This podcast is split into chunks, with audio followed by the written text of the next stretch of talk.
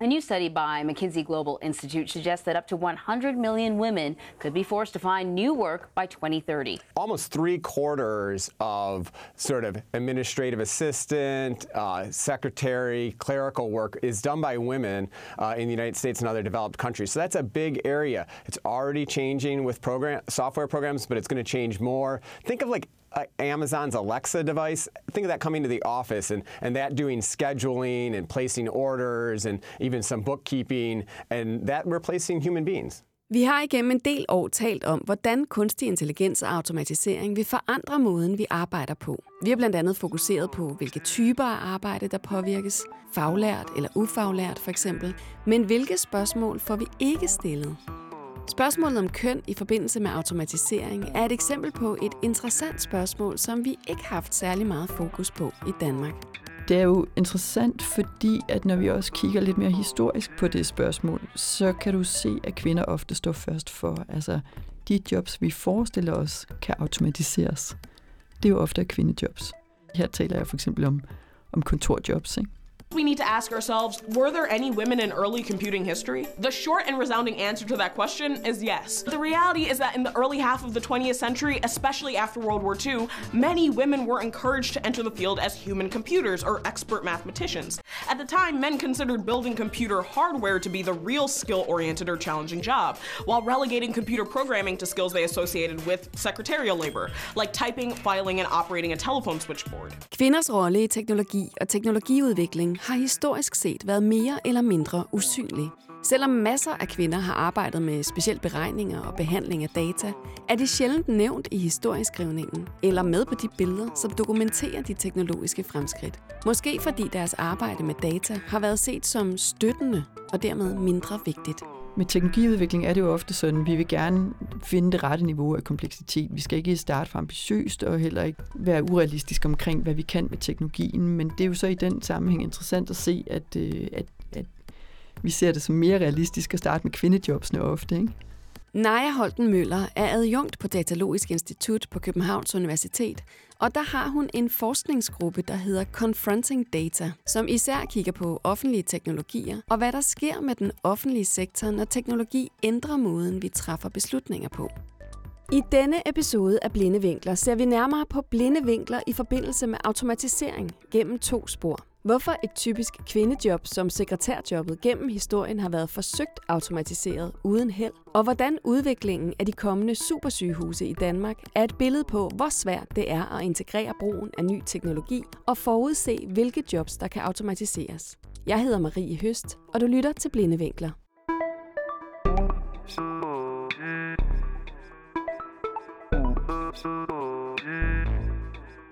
Nej, vil du ikke rise op, hvordan kvinder historisk set øh, har mødt automatiseringen og teknologien? Historisk set, så har vi mange eksempler. Vi har altså hele vejen op gennem industrialisering eksempler på kvinder, som øh, for eksempel har øh, arbejdet med øh, beregninger, altså algoritmiske sekvenser, programmering, øh, men i jobs, som vi ikke har set som værende teknologitunge, eller som vi har set som værende mere sådan en støttende opgave. Så der ligger jo, øh, kan man sige, gennem historien, der ligger faktisk rigtig mange eksempler på kvinder, der har arbejdet med beregninger, hulkortmaskiner, telefonoperatører. Vi har kvinder, som har øh, arkiveret, som er opgaver, der ligger øh, i dag meget øh, tæt forbundet med, med teknologiudvikling. Ikke? Altså med, hvordan øh, vi anvender, hvordan teknologi i praksis anvendes i dag. Dataarbejde, øh, hvordan dokumentation og data øh, systematisk, øh, hvordan vi laver data, hvordan det gemmes øh, i, en, i en høj nok kvalitet, til vi kan bruge det igen i andre sammenhænge. Så der er en masse eksempler gennem historien på, hvordan kvinder faktisk har været tæt på teknologiudviklingen, men øh, simpelthen ikke har navngivet. De er ikke beskrevet i historiebøgerne, de er ikke med på, på fotografierne. Øh, så i rigtig mange sammenhænge, så er der et stort arbejde, der lige nu pågår med overhovedet at få dem skrevet tilbage ind i historien. Og hvad er det så, der sker i 80'erne? Ja, der sker jo altså det, øh, at på de øh, almindelige arbejdspladser, der rykker computeren ind. Og øh, fra at vi har øh, været vant til, at, øh, at man skrev i hånden og dokumenterede, så bliver det jo pludselig muligt at have øh, skriveprogrammer og regneark, øh, og du får en helt anden effektivitet omkring det. Og nogle forestillinger også omkring, at, at den type af arbejde ikke længere er sin egen, altså sekretærjobbet bliver mindre vigtigt, og at øh, altså der, der er nogle, nogle stærke forskninger faktisk om, at sekretærjobbet kommer til at forsvinde. Og blev sekretærerne så erstattet af computere i 80'erne? Nej, og det gjorde de jo så interessant nok ikke, fordi øh, det man ikke havde, øh, havde måske helt taget højde for, det var, øh, hvor vigtigt data blev. Så fra at man fik gjort det meget mere effektivt, at man kunne øh, dokumentere i regneark, øh, i skriveprogrammer, så skete der jo faktisk det, at vi lige pludselig også kunne producere langt flere data, og data om mange forskellige ting. Og det skabte jo i virkeligheden nogle nye jobs. Så, så sekretærjobsene forsvinder ikke, øh, men de får selvfølgelig en, øh, et andet indhold. Og så springer vi frem til, øh, til internettet. Der Ja. tænker jeg, der igen sker noget interessant, når internettet kommer, vi kan forbinde ting, data. Hvad, hvad, hvad sker der så? Ja, så, så vi kan jo se de her øh, teknologiske spring, at det betyder noget.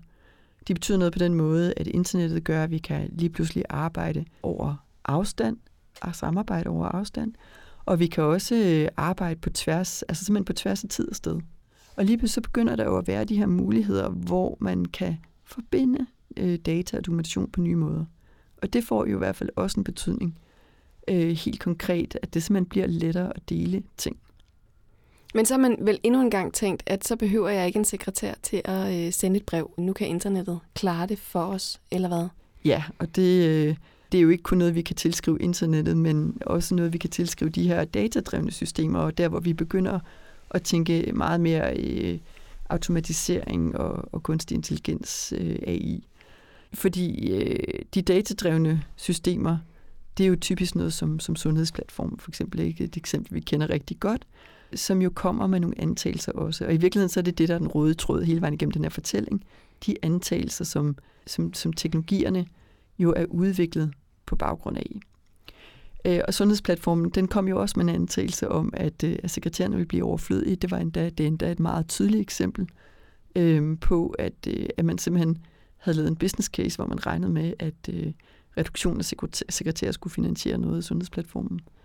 Og det var jo, øh, det holdt jo så længe indtil, kan man sige, at, øh, at det var tæt ved at bryde sammen. Øh, hele altså, arbejdets organisering, fordi at øh, lægerne simpelthen ikke, og, og sygeplejerskerne simpelthen ikke kunne, kunne overtage alt det arbejde, som vi kalder dataarbejde. Men hvorfor er det, at dataarbejde så konsekvent, som du beskriver det her gennem historien, bliver undervurderet? Jamen, øh, det beskrives ofte som usynligt arbejde. Altså, det beskrives ofte som øh, arbejde, der ikke... Øh, altså, så længe det sker, så forbliver det usynligt. Det er sådan set sådan en slags metaarbejde. Så, øh, så de her små ender og kanter, der hele tiden bliver bundet sammen, så længe kan man sige, at det pågår, så, så vil det ikke være synligt for rigtig mange af dem, som, øh, som øh, måske øh, skal anvende de her data.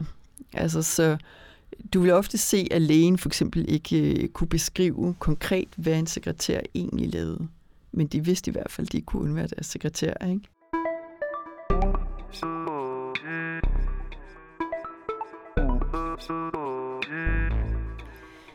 Nej, et eksempel på de øh, aspekter, som du nævner her i sådan en meget konkret case, det er de her super sygehuse, som, øh, som vi er ved at bygge i Danmark. Øhm, de er jo også et eksempel på, hvordan man forsøger at kigge ind i fremtiden, fordi de her sygehus skal fungere i en fremtid, hvor teknologi spiller en større og større rolle. Men, men øh, hvordan foregår den her tænkning omkring teknologi i de her nye sygehuse, og, og ikke mindst menneskers rolle i den forbindelse? Det vil jeg lige øh, tale om nu. Og, og vil du starte med at rise op, hvad planen er med de her nye super sygehuse? Ja, vi bygger jo de her 16 øh, nye supersygehus. Nogle er helt fra, fra bunden, barmarksprojekter, og nogle er øh, moderniseringer, eller kan du sige, hvor du bygger, bygger til. Ikke? Og øh, det er jo simpelthen fordi, at, øh, at vi gerne vil have faktisk øh, mulighed for at bruge blandt andet teknologier, og blandt andet at tænke hospitalerne anderledes. Øh, supersygehusene, de, øh, de skal ligesom prøve at, øh, at gøre os klar til, til fremtidens sundhedsvæsen. De skal give os øh, mulighed for at tænke radiologien forfra. Sker der noget med radiologien? Bliver den øh, for eksempel øh, noget, der skal foregå, altså skal scanninger foregå øh, ude på de enkelte afdelinger, øh, som er specialiseret i forskellige sygdomme? Skal sekretærens øh, arbejde for eksempel, skal det foregå øh, andre steder, end det gør i dag? Altså, skal vi have sekretær på sengeafsnittene, som vi har i dag? Igen, der sidder for eksempel i dag øh, sekretær på en radiologisk afdeling. Er det noget, som, øh, som vil ændre sig i fremtiden, eller kommer det til at ændre sig, og hvorfor? Ikke? Så hvad er det for nogle af, altså antagelser, øh, vi kan gøre os om teknologiens indvirkning på, hvordan man arbejder, og omvendt, så kan man sige, hvordan vi forstår fremtidens arbejde, vil jo også påvirke teknologiudvikling. Og hvem er det så lige nu, der sidder og, og træffer de beslutninger, som ender med at have betydning for, hvilke jobs, der kommer til at eksistere på de her supersygehus? Ja, så det der jo er så interessant ved supersygehusene, det er, at du kan på en måde også se dem som, som sådan en case på smart cities, som vi også øh, jo virkelig godt kan lide at diskutere i forhold til, hvor vi er på vej hen med vores samfund. Øhm, supersygehusene, de, øh, de giver mulighed for at bruge sensorer, de giver mulighed for at bruge data, og de giver mulighed for at bruge robotter. Mange forskellige teknologier bliver lige pludselig bragt i spil til de her supersygehuse.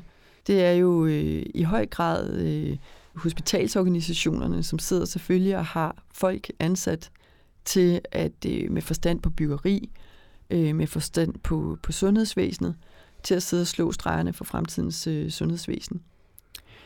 Og øh, der har du jo også, kan man sige, der har du været vant til, at øh, arkitekter de er dygtige til at tænke funktionalitet, de er dygtige til at tænke robuste bygninger, hospitalsorganisationerne de er dygtige til at forstå sundhedsarbejde øh, og, og de arbejdsgange.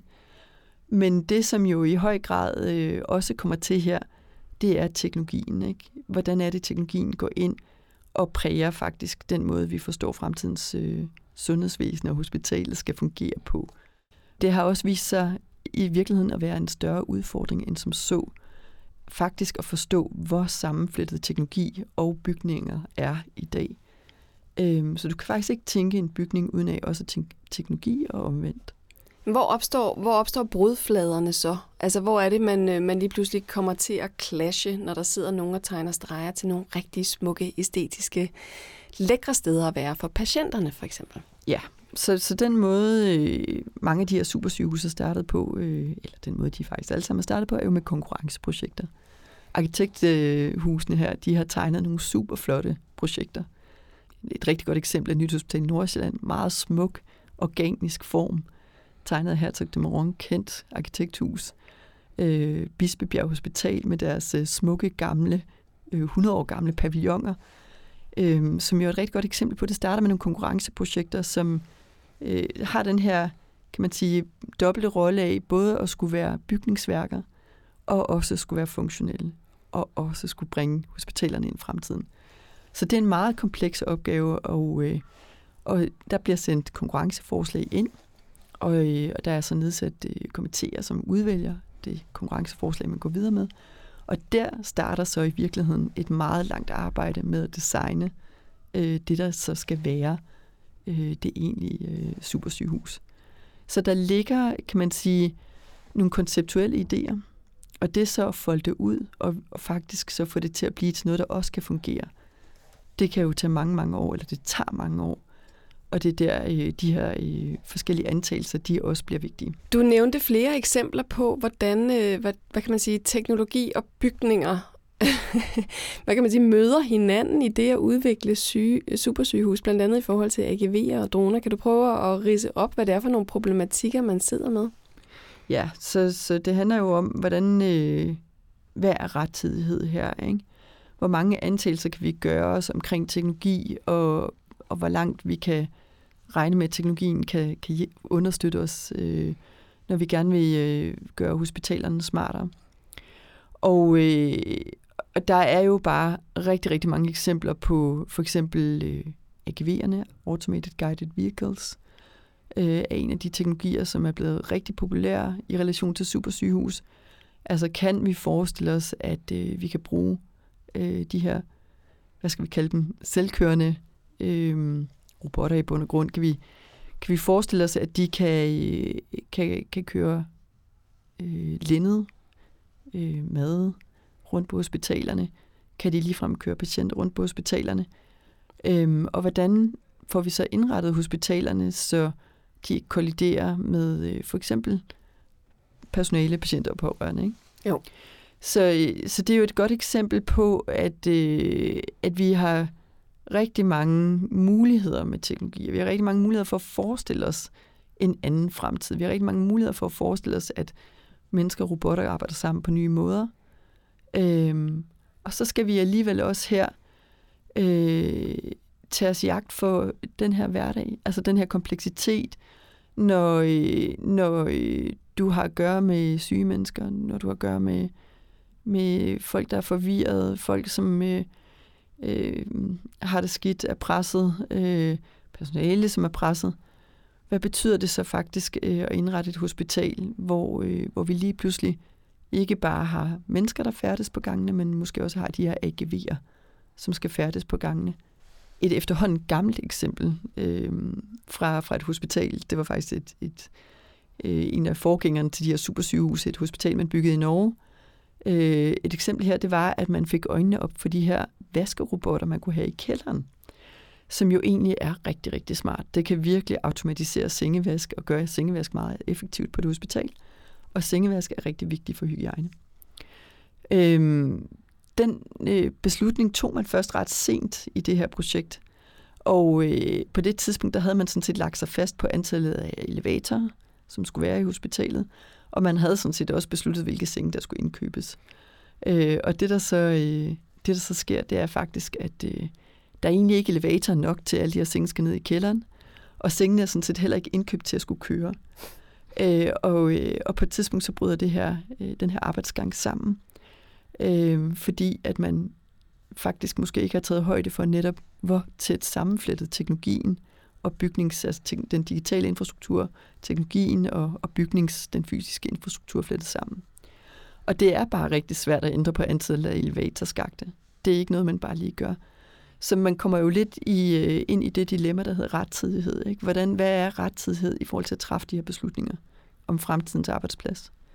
Øh, hvordan træffer man så svære beslutninger om, er vi, er vi der, hvor vi faktisk kan lægge bærer inde på, at, øh, at vi har vaskerobotter i kælderen? Eller er der nogle andre afhængigheder, vi er simpelthen nødt til at tage højde for her? Et, øh, altså et supersygehus, det er altså også i høj grad betondæk og tunge jernkonstruktioner. Og der ligger nogle begrænsninger i, at når du først træffer en beslutning om øh, loftshøjde, jamen, så kan du ikke nødvendigvis bare bruge droner, selvom du kunne synes, det var smart, eller muligheden opstår om 10 år. Og hvor er, hvor er lægesekretærerne for eksempel havnet i, i smukke tegninger som det til Nordsjællands øh, sygehus? Jamen, så vil man jo rigtig gerne øh, også udfordre den måde, vi har gjort tingene på. Altså, man vil gerne sikre sig, når man designer et, et supersygehus som Nordsjællands, øh, øh, det nye hospital Nordsjælland, at man, øh, at man i hvert fald ikke bare per automatik øh, tegner det gamle hospital om igen, men at man i hvert fald får, får øh, stillet nogle, øh, rejst nogle spørgsmål til den måde, man har arbejdet på hidtil. Og sekretærerne, kan man sige, i den sammenhæng, øh, er jo netop en gruppe, hvor der har været rigtig mange antagelser omkring, øh, hvad er deres arbejde i fremtiden. Kan de erstattes? Vil de blive automatiseret? Kommer de til at skulle sidde i et sengeafsnit, eller skal de sidde et helt andet sted? Så når man træffer den slags beslutninger, så har det for eksempel indvirkning på altså kvadratmeter er dyre i et supersygehus, så man vil endelig ikke have for mange øh, rum, man ikke ved præcis, hvad skal bruges til og hvor meget. Og det kan så få indvirkning på for eksempel, om der er pladser til sekretæren i et sengeafsnit, øh, og om man antager, at øh, hvor mange man antager sådan set skal sidde og lave dataarbejde ikke? i et sengeafsnit, eller om man antager, at de kan rykke længere væk. Og på den måde, så kommer det jo faktisk til at så forme, øh, hvem man ser som en del af fremtidens arbejdsplads eller ej. Øh, der har man måske en antagelse om, at sekretærerne er en del af de kolde hænder, men i virkeligheden synes jeg, at vi ser i meget af vores forskning, at de jo netop er dem, øh, som patienterne kan få fat på, de pårørende kan få fat på. De har haft en vigtig funktion i at være med, at de er en gruppe, man faktisk ved, hvor befinder sig hen på sådan et afsnit. Så der er jo mange lag i det her, hvor øh, ja, de arbejder med data, men de arbejder også med de nye aspekter af dataarbejde, som handler om, øh, hvordan får vi øh, bundet tingene sammen, hvordan får vi sørget for, at de her digitale arbejdsgange også, kan man sige, er øh, klare for patienten, for den pårørende, øh, så, så de faktisk øh, ikke bliver tabt. Ja, for det interessante bliver vel også, at dataarbejde i denne her øh, beskrivelse, du kommer med, i hvert fald det dataarbejde, som sekretærerne laver, har at gøre med, øh, med tryghed, og har at gøre med at finde fejl, og har vel også på en eller anden måde at gøre med, hvordan man ser ja, etisk på automatisering og menneskeligt på automatisering. Ja, jeg tror, at det, øh, det bliver tydeligere og tydeligere, jo mere vi data vi har og arbejder med data. For eksempel når vi antager, at patienten kan være en del af det, at øh, for eksempel bidrage med data. Øh, hvor langt kan vi gå? Øh, hvor meget kan vi stole på de data, som kommer ind? Øh, kan vi antage, at, øh, at den information, som, øh, som er der, når patienten bliver indlagt, at den simpelthen har en høj nok kvalitet, til vi kan bruge den?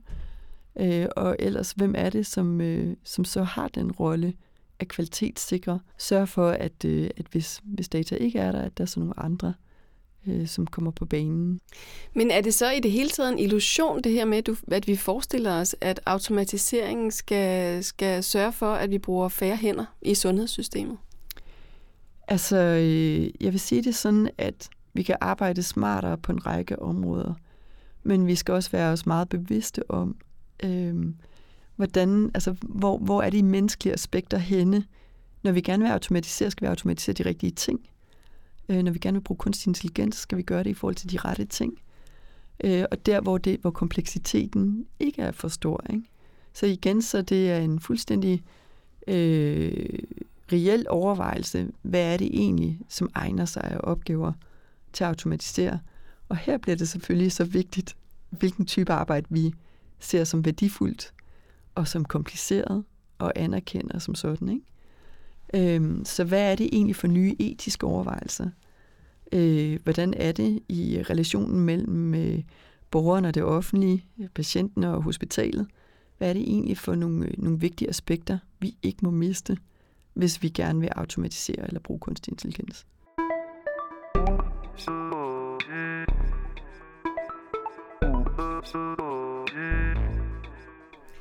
For lige at vende tilbage til det her med, øh, med, med køn og, og de jobs, der så bliver automatiseret. Hvorfor er det vigtigt overhovedet at tænke, at, øh, at det er så kvinderne, der bliver først automatiseret? Mm. Hvad, hvad, hvad er vigtigt i at have blik på mm. det?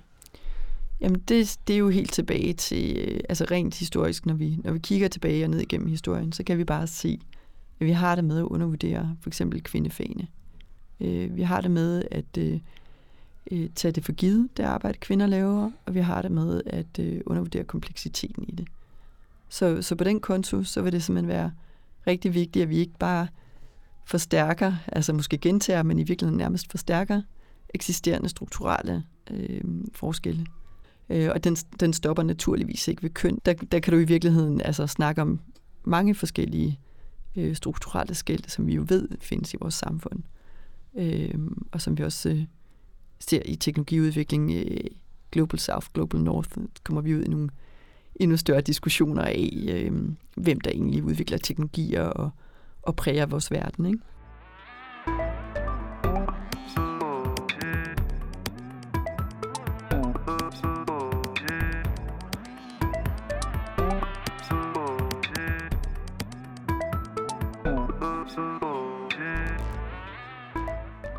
Det manglende fokus på dataarbejdets nødvendighed og hvordan det undervurderes, det undersøger jeg nærmere i næste episode, hvor det skal handle om Mechanical Turks og det vi kalder clickwork. Altså den usynlige menneske her, der ofte driver det, vi forstår som kunstig intelligens. Og hvorfor er der egentlig ikke fokus på deres vilkår, når vi taler om etisk brug af kunstig intelligens? Du har hørt klip fra blandt andet PBS Origin of Everything, og du kan finde links til klips i show notes til episoden. Podcasten Blinde Vinkler er produceret af Ingeniørforeningen Ida og IT-branchen og udviklet i samarbejde med Tina Ryven Andersen og Rune Fik Hansen. Den er tilrettelagt, redigeret og beværtet af mig. Jeg hedder Marie Høst.